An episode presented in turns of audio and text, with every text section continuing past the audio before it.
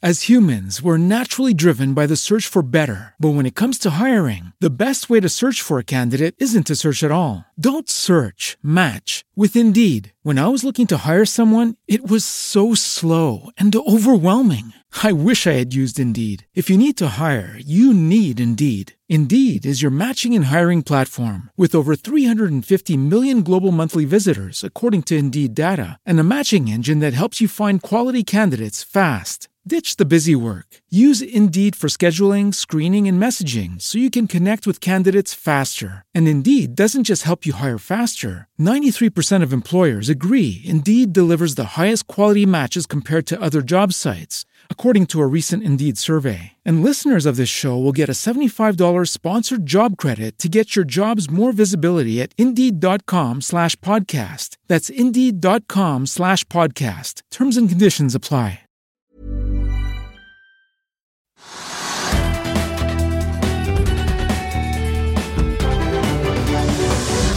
En god torsdags ettermiddag alle sammen, og velkommen til Økonominyhetene på denne 2. november. Mens himmelen er eh, grå og det laver ned en salig blanding av sludd, regn og snø over oss her på Smestadammen i Oslo, så ser ting langt lysere ut for mine to gjester her i dag. Norwegian-sjef Geir Karlsen og Scatec-sjef Terje Pilskog er nemlig de to store vinnerne på Oslo Børs i dag etter fremleggelsen av sine kvartalstall. På en dag der overskriften også har blitt preget av sentralbankene. Norges Bank holder renten uendret på 4,25. Holder røren fortsatt på gløtt for en renteøkning til i desember. Bank of England holder sin uendret på 5,25 da for andre rentemøte på gang. Uendret rente er tydeligvis ukens tema, for det så vi jo da også i USA i går kveld fra Federal Reserve. Vi har også fått en rekke andre kvartalsrapporter fra selskaper i dag, som Shell, som helt som ventet også melder om resultatfall med fallende olje- og gasspriser. Kjøper tilbake egne aksjer nå i fjerde kvartal for 3,5 milliarder dollar, noe mer enn det som var varslet i sommer. Axactor har stabile inntekter, men fallende resultater. Oddfjell Drilling leverer bra. Elopak stiger kraftig etter sitt beste kvartal kvartal noensinne. Og Norske Skog tikker oppover rundt 7% etter en avtale med forsikringsselskapet på 2,4 milliarder etter stenraset i Halden. Ellers i markedet nå så hovedindeksen på Oslo Børs opp litt over 0,3 Vi ser oljeprisen stige en drøy halv prosent til 85,40. Veldig god utvikling i Asia tidligere i dag, og en jevn og fin grønn bølge utover de europeiske børsene også. John Powell, den amerikanske sentralbanksjefen, sendte jo Wall Street kraftig opp i går kveld etter rentemøtet og pressekonferansen. Wall Street venter jo i kveld da på Apples kvartalstall bl.a., og vi ser at futuresene peker også ut eller det ser ut til at vi får en solid oppgang på rundt prosenten fra start når åpningen nå er i gang i det vi eh, også snakker her. Europris stiger rundt halvannen prosent i dag. De leverte stort sett noe bedre enn ventet. Marginene er litt under press, men omsetningen vokser. Og også hvis vi justerer for butikkendringer, så har vi da en like for like-vekst på 3,3 i en krevende konjunktur, der mange andre i varehandelen ser minustall og toppsjef Espen Eldal legger ikke skjul på at kundene er stadig mer prisbevisste. Det kommer da frem i regnskapet derfra. Aker Horizons også ute med sine tall. Der er det noen lystegn i dag med en oppgang på 3,3% men vi får jo minne om at den aksjen er ned 73% så langt i år. da. Nettoverdiene fortsetter å falle for Røkkes fornybar paraply, nå ned til 10,3 milliarder. Ingen nye nedskrivninger i dette kvartalet slik vi så sist, men det jobbes jo da videre med restruktureringen av virksomheten i Chile. Fornybarprosjekter i Norge, inkludert da havvindsøknaden offshore, og også karbonfangst i Aker Carbon Capture, som jo virkelig har gode veksttall å vise til. Krigskassen i Aker Horizons for tiden ligger på 9,1 milliarder, hvorav 3,5 da er i kontanter. En liten fun fact helt på slutten, før vi går til dagens første gjest, det er jo da markedsverdien på Aker Carbon Capture-aksjene til Aker Horizons er nå 2,9 milliarder, mens markedsverdien på hele Horizons altså er nede i 2,4 selv etter dagens kursoppgang. Mer om alle kvartalsrapportene det får du på fa.no. Fornybar nå for mens fornybaraksjen Ørsted altså falt over 25% på havvindtrøbbelet på København-børsen i går, så er situasjonen eh, med dagens førstighet litt annerledes. Skattek-aksjen har nemlig vært oppover 18% på det meste i dag. Det betyr også at mye av nedturen i år er hentet inn, og at markedsverdien til selskapet igjen har bikket over 10 milliarder kroner. Men hva er det som har fyrt opp jubelen på denne dagen, der utbyttet også kuttes til null? Jeg kan jo spørre deg, da, konsernsjef Terje Spilskog, velkommen. Takk skal du ha. Hva tror du denne voldsomme kursreaksjonen eh, kommer av? For det er ganske mange ulike nyheter og elementer i rapporten i dag. Ja, jeg tenker at eh, Hvis vi skal prøve å oppsummere, så er det kanskje tre, tre hovedelementer som, som, skjer i dag. Altså det ene er selvfølgelig at vi leverer en veldig solid rapport. Vi har god underliggende lønnsomhet i, i prosjektene våre. Og vi leverer in, eh, inntekter på 2,5 milliard og underliggende EBITDA på 893 millioner norske kroner. Og Det som er virkelig gledelig med de resultatene som vi viser i dag, er at vi har veldig god fremdrift på byggeaktivitetene våre på de tre store prosjektene som vi har under bygging. Eh, og Der har vi hatt 1,3 milliarder i inntekter, og vi da øker marginen på de prosjektene opp til 13% og Den marginen har økt sakte, men sikkert over det siste året, eh, hvor vi begynte på 10% Så det viser at vi har solid gjennomføring både i forhold til kostnader og i forhold til schedule på de prosjektene som vi har i, i gjennomføring. Og jeg tenker at Knyttet til det og knyttet til alt som skjer i markedet, du, du nevnte for, så vidt Ørsted, det at vi leverer et, et solid resultat uten noen overraskelser, tror jeg er veldig positiv i dagens marked. Og Veldig mange har jo hengt seg opp i investeringsplanene deres. For dere har jo mange prosjekter som leverer mye kontantstrøm inn til eh, moderskipet, hvis vi kan kalle det Men spørsmålet har jo vært om dere ville trenge disse 2-3 milliardene ny egenkapital som dere tidligere har signalisert. Nå legger dere opp til en plan hvor dere ikke skal hente eller trenge en eneste krone til. Dere skal være selvfinansierende. Kan ikke du si litt, Var det bare høyere renter og på en måte markedsklima som tvang dette frem, eller hva ligger bak den beslutningen? Jo, jeg tror det er først og fremst også markedssituasjonen, eh, makroøkonomiske situasjonen eh, i, eh, i, verdensbildet som, som, gjør dette. Det er selvfølgelig det at det økende renter det øker kapitalkostnaden for oss, og gjør at vi, vi, vi, tenker at det er fornuftig å endre litt fokuset vårt videre fremover. Så det som vi gjør, som du riktig, riktig sier, er at vi trekker ned veksttakten litt. Vi sier at vi skal vokse med å investere ca. 500-750 millioner norske kroner årlig i nye prosjekter i egenkapital i nye prosjekter. Eh, og det har vi en balanse og intern fundingkapasitet til å gjøre uten å trenge å gå ut i egenkapitalmarkedet og hente mer kapital. Ja, vi så jo Tidligere så solgte dere jo et prosjekt i Sør-Afrika, bl.a. Uppington. Fikk inn en god del penger der, som jo er et av kjernemarkedene deres. og Da har jo folk lurt på hvor mye dere er avhengig av å selge for å resirkulere kapital inn i nye prosjekter. For da blir det jo fort ja, man kan få penger i dag, men man takker jo så nei til inntekter eh, som ville tikket og gått eh, i årene fremover. Hvordan ser dere på det nå? For dere snakker jo om kapitalresirkulering her fortsatt? Ja, nå er hovedbasisen for den videre veksten og den kontantstrømmen som vi har i selskapet, det er den kapitalstrømmen og, og dividendene som kommer inn fra de prosjektene som vi allerede har i drift. Og I tillegg til det så driver vi nå og ferdigstiller byggingen av tre store prosjekter til. og Når de kommer i drift rundt slutten av året i år, så vil jo de også bidra til ytterligere økning av kontantstrøm tilbake fra prosjektene som vi har i drift. Så Det er i utgangspunktet basisen for å kunne klare den eh, vekststrategien som vi har. Og så har vi sagt I tillegg til det så skal vi også se eh, på muligheten for å øke eh, kapitalrecycling. Både fra å selge oss ned eller selge oss ut av, av utvalgte prosjekter. Også eventuelt fra å gjøre refinansiering av prosjekter som vi allerede har i, drift, og som vi vil fortsette å, å eie. Og så har vi sagt til slutt også at vi, vi, har eh, en beslutning i styret om at vi også vil stoppe utbetaling av, av, utbytte. Og det vil også selvfølgelig bidra til at vi har mer kapital tilgjengelig for å finansiere den videre vekstreisen. Ja, for La oss ta det. da. Det er godt gjort eh, på en dag hvor du kutter utbyttet til null. Dere kuttet jo vel en gang i fjor og nivået ned eh, fra 25 til 15% av kontantstrøm fra kraftproduksjonen. Nå er det null. En sur beslutning å ta, eller?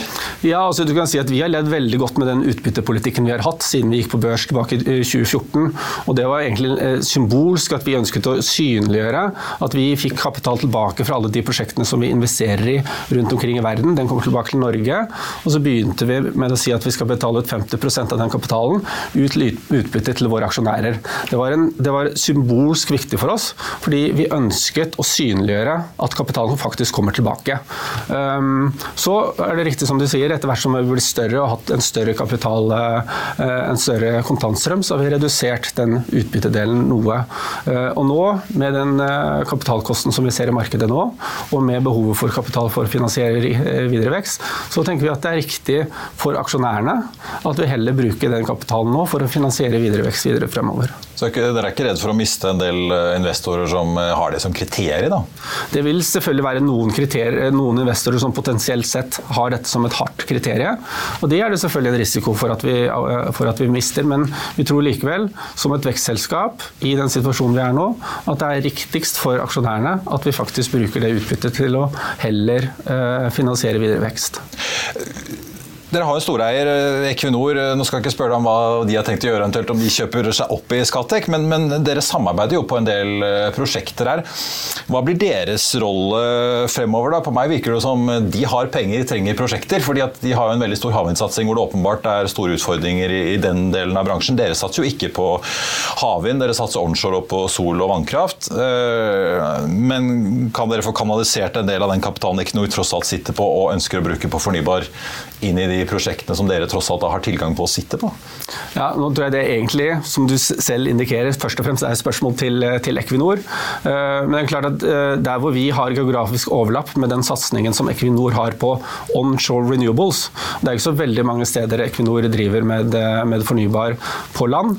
I de områdene hvor vi har et overlapp, så vil det også være potensial for oss å, å samarbeide sammen med Equinor. Ja, for Du har jo åpenbart større kapitalbegrensninger enn det Anders Opedal har om dagen, så dere kunne jo satt opp joint ventures hvor de tar den mesteparten av finansieringen. Dere gjør kanskje mer av det utførende arbeidet? da?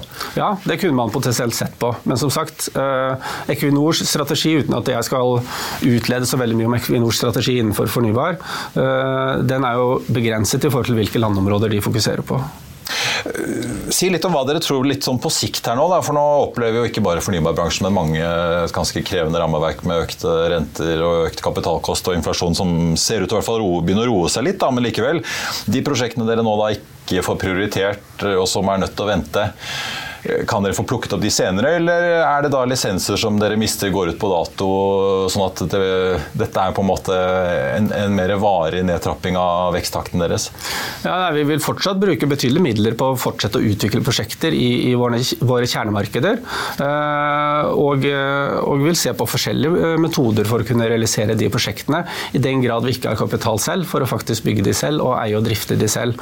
Da kan vi selvfølgelig selge de prosjektene når de er ferdig utviklet. ta en lavere eierandel i de prosjektene, eller finne andre type partnermodeller hvor de prosjektene likevel kan gjennomføres. Så lenge man har gode, attraktive og lønnsomme prosjekter, så vil det alltids finnes muligheter for hvordan de prosjektene skal bli realisert, og hvordan vi kan ta og, og få tak i verdien som ligger i de prosjektene.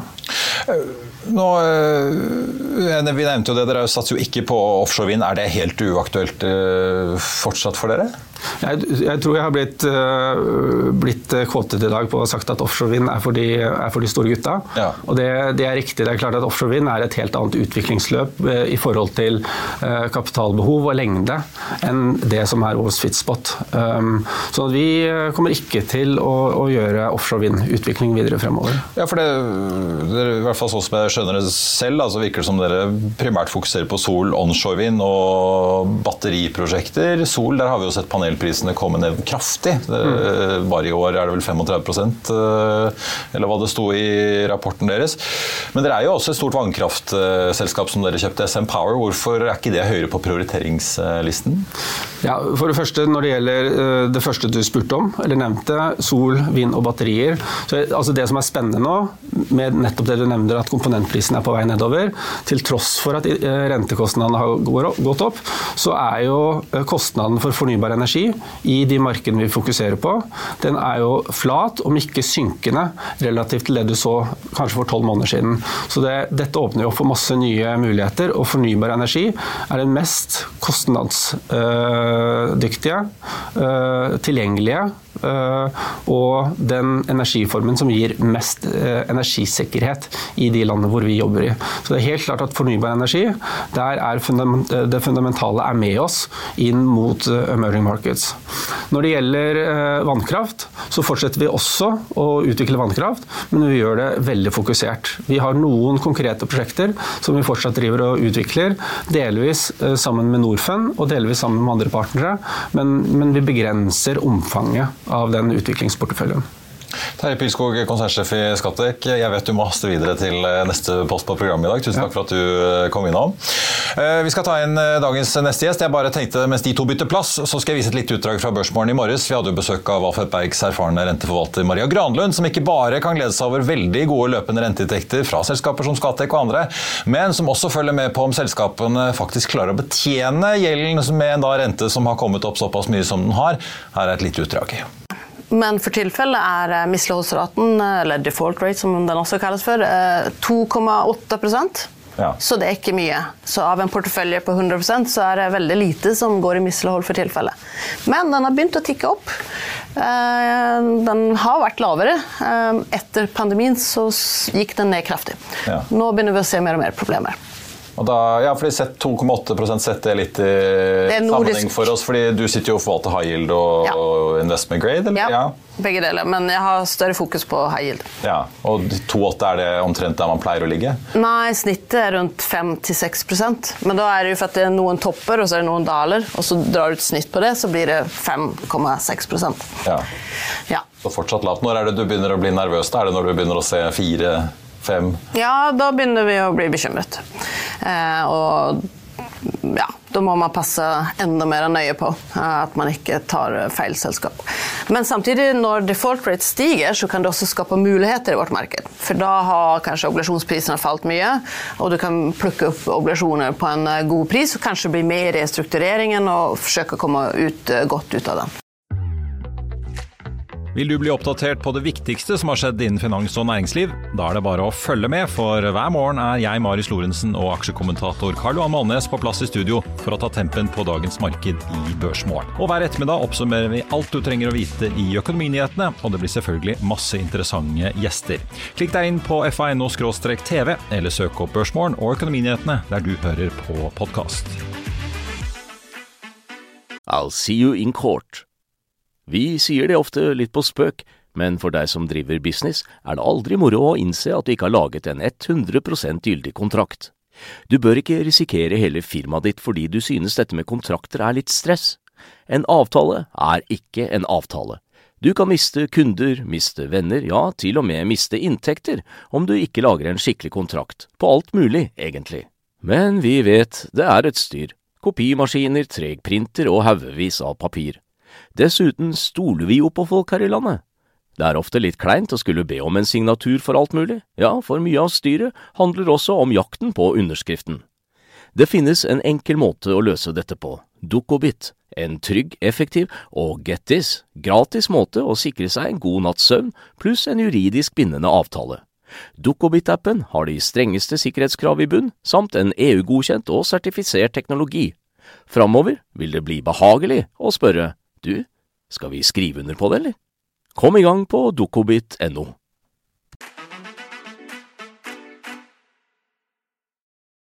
Og hva mer eh, Granlund kunne si om krisen i næringseiendom og en annen sektor som kan havne i trøbbel fremover?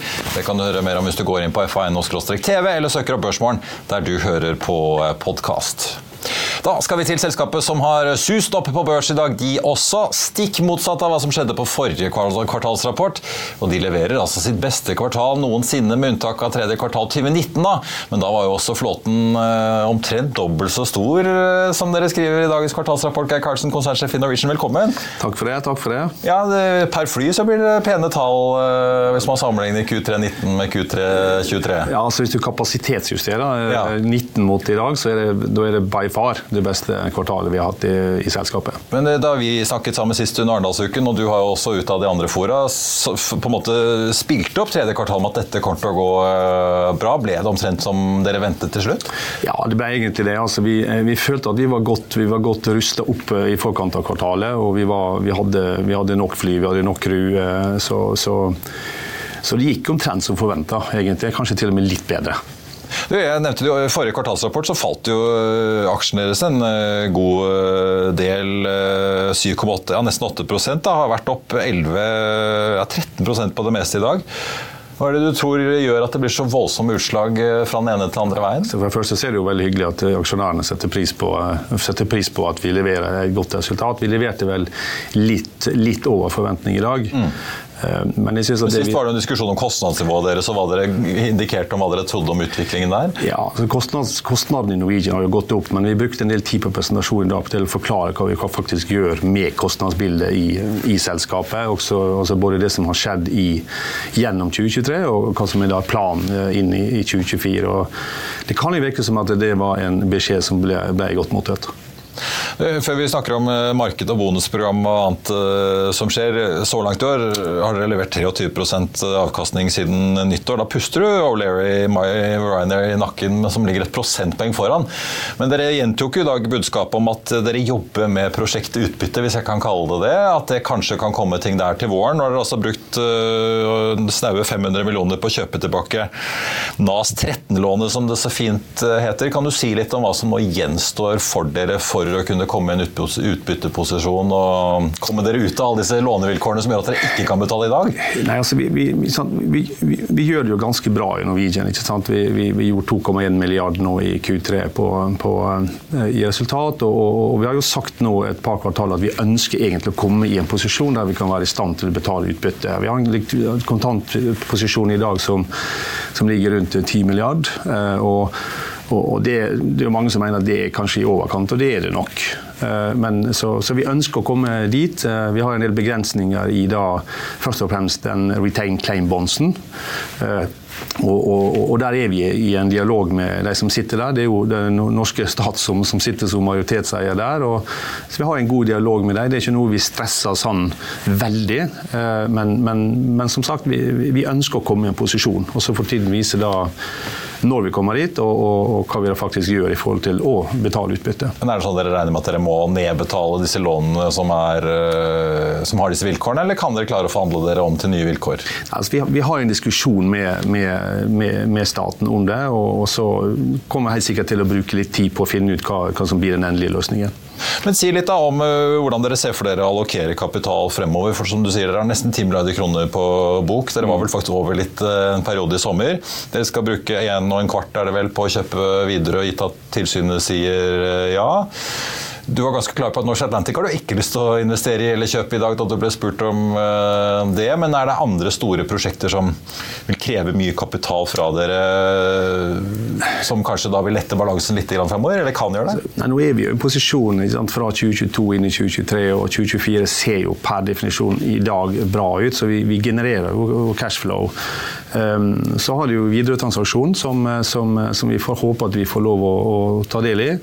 Uh, så har jo, sant, vi har jo noen forfall som vil komme opp i, i 2025 og 2026 på den samme obligasjonen som jeg, som jeg diskuterte. Og så, så ønsker vi jo egentlig å å ha en solid cash-posisjon i selskapet fremover. Altså vi, vi, ser jo nå at vi på en måte vi har en, en holdback med de, de såkalte kredittkortselskapene som er rekordlav. Vi ser at vi får, vi får avtaler nå med, med store leverandører som er, som er det beste på en måte term som vi har fått uh, noen gang, tror jeg. Og, så vi på en måte drar jo nytte nå av å ha en solid finansiell situasjon, og den skal vi, den skal vi ta godt vare på.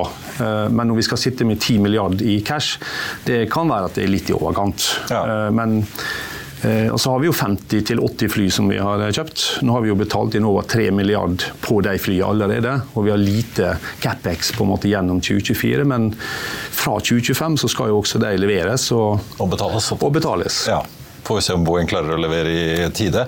Men la oss snakke litt om dette markedet. Jeg syns det er ganske fascinerende å, å, å, i tross alt den verden vi lever i, da, hvor eh, som europrissjefen selv sier, folk snur på krona og går rundt med tilbudskatalogen i butikken for å følge med på hver eneste krone de bruker. Mange konsumrettede selskaper sliter jo i motvind. Dere opplever, skriver dere, at bookingmomentumet for fjerde kvartal er oppmuntrende både på fritid og forretningsreiser. Ja, man har det tradisjonelle mm. sesongfallet ut mot høst og vinter men likevel ikke noe tegn til at, det noen, at forbrukerne strammer inn, eller at bedriftene strammer veldig inn? Nei, altså, det er ikke, altså vi, vi, sitter jo og har en, på en måte en, en 85-80 fylt opp eh, fly, og vi har hatt det i lang tid. Eh, vi sa vel i dag at vi selger jo billetter i dag for, i november-desember som kanskje ligger 15-20% over samme periode i fjor. Eh, der er jo på en måte en, en nedgang i bookinger per i dag sesongmessig. Men utover den normale sesongvariasjonen så ser vi eh, per i dag ingen effekt. Men Er dette en bredere trend i reiseliv, eller har dere liksom noe klarere idé om hvorfor det på en måte ikke bremser? Nei, altså det, det, en, det, jo Hvis du ser historisk på det, så kan du si at når du har på en måte vanskelige makrosituasjoner, at du, at du har enten høyere rente eller høyere inflasjon, som vi ser på nå, så, så er det å kutte reisebudsjettet ganske langt ned på lista. Det er kanskje det vi ser en, en, effekt av. Og så ser vi jo også at eh, Når du tross alt har en svak krone, så er det jo flipp-sida av det er jo at det er billigere å reise inn til Norge. ikke sant? Og Når vi ser på reisestrømmen i Norwegian i år, så ser vi at vi har en fin økning av inbound, som vi kaller det. Det vil si passasjerer som reiser, som reiser fra utlandet og inn. Og Dere åpner vel um, Italia til Tromsø-ruten ja, til vinteren? Og... og kanskje den ruten spesielt, da, til, for, for Bergen. Jeg antar det er mest for å få europeere og amerikanere opp til Nord-Norge enn å få nord nordlendinger ned? Ja, ja, Der har vi jo solgt nå en, eh, jeg tror det er en 20 25 000 billetter i de såkalte Tromsø-rutene våre, da, og 70% er inbound. altså altså utlendinger som, som skal til Tromsø. Eh, og, og, Er det et resultat av at vi har en svak krone? Ja, sannsynligvis iallfall en del av altså, på en måte bakgrunnen for det. Og, eh, så Vi har økt innvandrertrafikken i Norwegian i år med ja, sannsynligvis når vi kommer til nyttår, så kanskje et sted mellom 200 og 300 000 passasjerer. Så, det, så der, er en, der er et eller annet som skjer. Men drivstoffet for å fly den dit er dyrt? Hvor mye svir det nå, egentlig? Det er vel opp en 30 uh, siden i sommer, eller hva det er? Ja, du kan si at nå har vi jo, har vi jo bygd en hedge-posisjon i Norwegian. Det hadde vi jo ikke i 2022. Så vi er jo, vi er jo 55% hedga nå for resten av året. Vi er jo 30-40% hedga gjennom hele 2024. Helt ned på rundt 800 dollar tonnet. Et tonn jetfuel i dag koster i området 930 til 940, så har det kommet ganske godt ned fra 1100-1150 som det var det, på det verste. ikke sant? Så, så, så vi, vi, sitter jo i en, en hedge-posisjon i dag i Norwegian der vi sannsynligvis er den av våre konkurrenter som betaler minst for fuelen, selv om på en måte fuelprisen er, er relativt høy. da. Hva er status nå på dette bonusprogrammet? da? Jeg vet ikke hva det skal hete engang. Redberry eller noe sånt sammen med Petter Stordehans uh, Strawberry.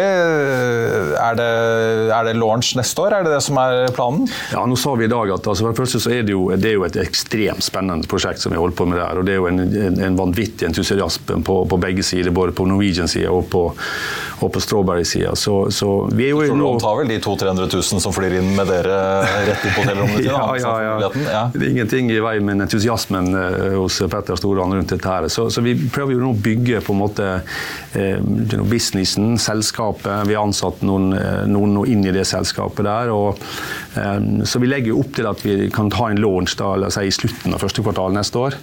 Sånn som det ser ut per i dag. Eh, og, eh, og, så må jeg jo si at etter vi lanserte dette her tidligere i år, så er det jo en, det er jo en voldsom entusiasme også, også fra andre potensielle på en måte partnere som kan bli med i dette. her, og Da snakker vi om selskap av en, av en ganske stor størrelse. Så det, det er kjempespennende det vi, det vi, holder på med. Ja, for Dere har jo lovet en gevinst i fjerde kvartal, var jo det dere sa sist, i hvert fall, på 800 millioner rundt dette. her. Svenske banken Avida kommer inn og skal kjøpe mm. 2% Er det hva de er villige til å betale for å bli med i dette her som dikterer gevinsten ut til dere? eller? Ja, på en mange måter. Altså, du kan si at Det er jo en, en, kombinasjon mellom den avtalen som vi har gjort med Strawberry, og at, uh, at Avida kommer inn og tar en, en riktignok en liten andel i det lojalitetsselskapet, som reflekterer av de 800. Og så sa vi vel forrige kvartal at de vil komme i Q4 i år.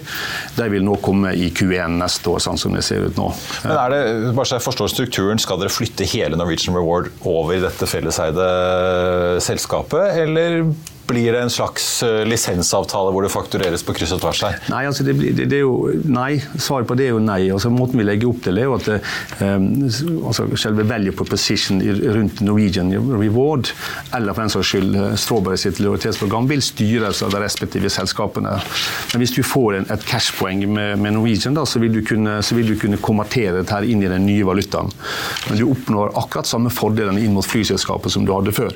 Men i tillegg så vil du også kunne bruke da den nye valutaen som snart vil få et navn. Jeg kaller den jeg, inntil dere har sagt noe annet. Ja. Eh, eh, også på tvers av lojalitetsprogrammene. Da, kan si. ja, men jeg som kunde, skal jeg da forholde meg til er det, Jeg kaller det Red Bear, er det det jeg på en måte vil se? Begge deler. Ja. Begge deler. Okay. Eh, snakk litt om ellers hva som skjer i bransjen eh, nå, da, for dere jobber jo da med å kjøpe Widerøe. Vi har jo sett, vi hadde besøk av Bjørn Larsen i Norse Atlantic her i går, som åpenbart dere sier dere er ikke interessert, men han har åpenbart noen friere på døren og trenger mer penger. Vi har sett SAS lande, lande nå nede på Skiphol og skal inn i SkyTeam ut av Star Alliance. Midt oppi dette her så hadde vi Topi Banner i Finner som feirer 100 år med oss for ikke så lenge siden. og mm. Og de har jo klart å vri seg mot Europa og Nord-Amerika for å redde seg etter uh, alt ble stengt over Russland og pandemi og det som verre her. Uh, er det interessant for dere når SAS nå bytter allianse og kanskje snuser på en av de store alliansene også, eller er det helt uaktuelt? Nei, det, altså det, det, det, står ikke på agendaen vår akkurat nå, men, men, eh, det er jo spennende det som skjer nå i Norden. det er store strukturendringer? Ja, veldig store strukturendringer. Ingen tvil om det. Du har jo Norwegian som, som, som, der vi nå har det bra og gjør det bra. Du har SAS som sitter med det som skjer der, og så har du jo Finner selvfølgelig, som, som der på en måte, der den finske stat har jo, sant, har jo fått ny regjering i Finland, og der den regjeringen har sagt at de ønsker å selge seg ned i Finland for å rett og slett betale statsgjeld. Og så nå får vi jo får vi se om det, det skjer, da. men, men Eh, det er derfor vi ser fra, fra Norwegians synspunkt at Norden på mange måter er litt sånn in play. Uh, og Når det gjelder SAS, så er det klart at vi har jo fulgt den situasjonen selvfølgelig veldig veldig tett. Uh, siden det gikk inn i chapter 11. Og jeg, og jeg syns det er jo spennende som det, det, som nå skjer. De, de forlater Star Lines og, og, og, går inn i et nytt lojalitetsprogram. Og, og så tenker jo vi fra Norwegians synspunkt at det her kan jo åpne seg muligheter også for oss som vi selvfølgelig er svært, svært eh, klar over. Ja, for eh, Mange lurer nå på hva Star Alliance med Lufthansa De mister jo SAS, som jo har vært alt, eller hele deres tilstedeværelse omtrent i Norden har jo vært da mm. via SAS. Den forsvinner. De sitter jo med et Eurowings eh, som de jo har prøvd seg på i Norden før. Eh, og så har vi selvfølgelig da EasyJet og Ryanair som selvfølgelig, og Wizz Air som sitter klare med en gang en mulighet byr seg i markedet å hoppe på mm. hvis de ser en inntjeningsmulighet. Eh, er det sånn dere forbereder dere på at her kan det plutselig komme nye aktører som vil prøve å hugge til, slik vi så under pandemien da Wizz Air plutselig begynte å fly innenriks i Norge? Ja, altså Vi forbereder oss på alle mulige scenarioer, vi egentlig. Og, og jeg tror jo at det er jo ikke, det er jo ikke snakk om at noen av disse her vil komme, innom, eh, komme inn i vårt marked. Det er jo snakk om heller når de vil gjøre det. Så, så, så, vi må bare på en måte passe på eh, Norwegian nå, sørge for at vi er så konkurransedyktige som vi overhodet kan eh, når dette vil skje. Og og så må vi jo tenke hva, hva, vi gjør nå når SAS sitter i den situasjonen som de gjør, og de blir medlem i en annen allianse. Um, vi tenker jo at København blir jo et spørsmål her nå, eh, om uh, du kan si longhold-virksomheten nå vil skli sørover mot uh, Paris eller mot Amsterdam, eller om at de vil faktisk bygge opp København som en større enhet. Ja, for Skippal er jo full, i hvert fall, så ja, der er det ikke noe å på. Det, det, det, er jo en, det er jo en det er jo en, en, viktig sak for oss, og det er helt klart viktig sak, veldig viktig sak for, for København eller for Kastrup. Eh, så vi må bare finne liksom, hvilke disposisjoner vi skal gjøre nå i det vinduet som vi måtte ha nå da, fram til, eh, fram til dette blir en virkelighet. Uansett hva som skjer, så hjelper det å ha penger på bok. Men dere, opplever dere at dere er store nok? Dere jo, skal jo nå vokse til over 90 fly neste sommer etter planen. da. Men opplever dere at dere er store nok i dette spillet da, hvis det plutselig kommer noen som har enda større muskler og vil braute seg inn i Norden? Nei, altså, du, du kan si at Vi sitter jo i, i, dag med en merkevare som er ekstremt sterk. Uh, vi, er jo, vi, er jo, nummer én og nummer to i Norden selvfølgelig i alle land. og og vi gjør det bra. Vi er veldig satt pris på av våre, av våre kunder. Vi er jo, eh, som, som, vi viste i tredje kvartal, vi driver jo selskapet nå eh, kanskje bedre enn det vi noen gang har gjort. Vi er jo topp tre på punktlighet i hele Europa og har vært det nå gjennom hele sommersesongen. Så vi, så vi, så vi mener at vi har et godt produkt, et produkt som kundene våre liker veldig godt. Eh, vi gjør jo en satsing innenfor bedriftsmarkedet nå, forretningsmarkedet. Og som vi sa tidligere i dag, så, så har vi signert ganske store avtaler med selskap, store nordiske selskap som vi aldri har hatt avtaler med før. Og Det viser jo, det viser jo egentlig bare at det produktet vi nå har hatt en stund, og som vi på en måte har fått vist fram, blir satt pris på. Eh, og Så må vi bare spille på det. Eh, sørge for at vi forblir eh, ikke bare lønnsomme, men enda mer lønnsomme i 2024 enn det vi var i 2023. Og så får, så får tida vise hva som skjer. Bent Smith i KLM får passe på gullkundene til SAS. Ikke ja, ja. ja. Geir Karlsen, konsernsjef i Norwegian, tusen takk for at du kom til oss. Helt på tappen av sendingen så tenkte jeg bare å nevne at vi har Norwegian opp en 9,5% i dag. Skatek opp 17,6, og det ser ut til å bli en av de beste dagene de har hatt på lenge for begge to. Horizons i Aker opp 3-4. Og så har vi da Norse Atlantic, som ser ut til å få en ny tung dag etter det kraftige fallet i går. Ned nye nesten 15% i dag. Shell for øvrig ute da med sin kvartalsrapport opp 2,8 på en børs som har klatret utover dagen. Ligger nå opp 0,7 til 1290 og et halvt uh, poeng. I Finansavisen i morgen så kan du lese Kapitals nye utgave med kåringen av Norges mektigste kvinner, og vi kan røpe at det er Arbeiderpartiets Tonje Brenna som stikker av med seieren i år. Du kan lese Trygve Egnars leder om triste skatteråd fra Frankrike. Det blir masse mer om alle kvartalstallene som har kommet, og du kan lese hvorfor det med Markets tror det magre bilsalget i år bare blir enda dårligere neste år. Så det er ingen uh, lystige nyheter for bilbransjen der. Da er vi ved slutten av denne sendingen. I morgen er det fredag, så da er vi på luften igjen 13.30. Det skal handle om boligpristallene da. De kommer jo da klokken 11 i morgen. Før den tid så er det Børsmorgen 08.55, og der skal vi fortsette å snakke fly. For vi får besøk av Nordeas Hans-Erik Jacobsen og Finansavisens Olav Gram Degnes. I mellomtiden så får du siste nytt på FA.no, inkludert Apple-tallene som kommer litt etter klokken 21 i kveld. Ha en riktig god torsdag alle sammen. Vi ses.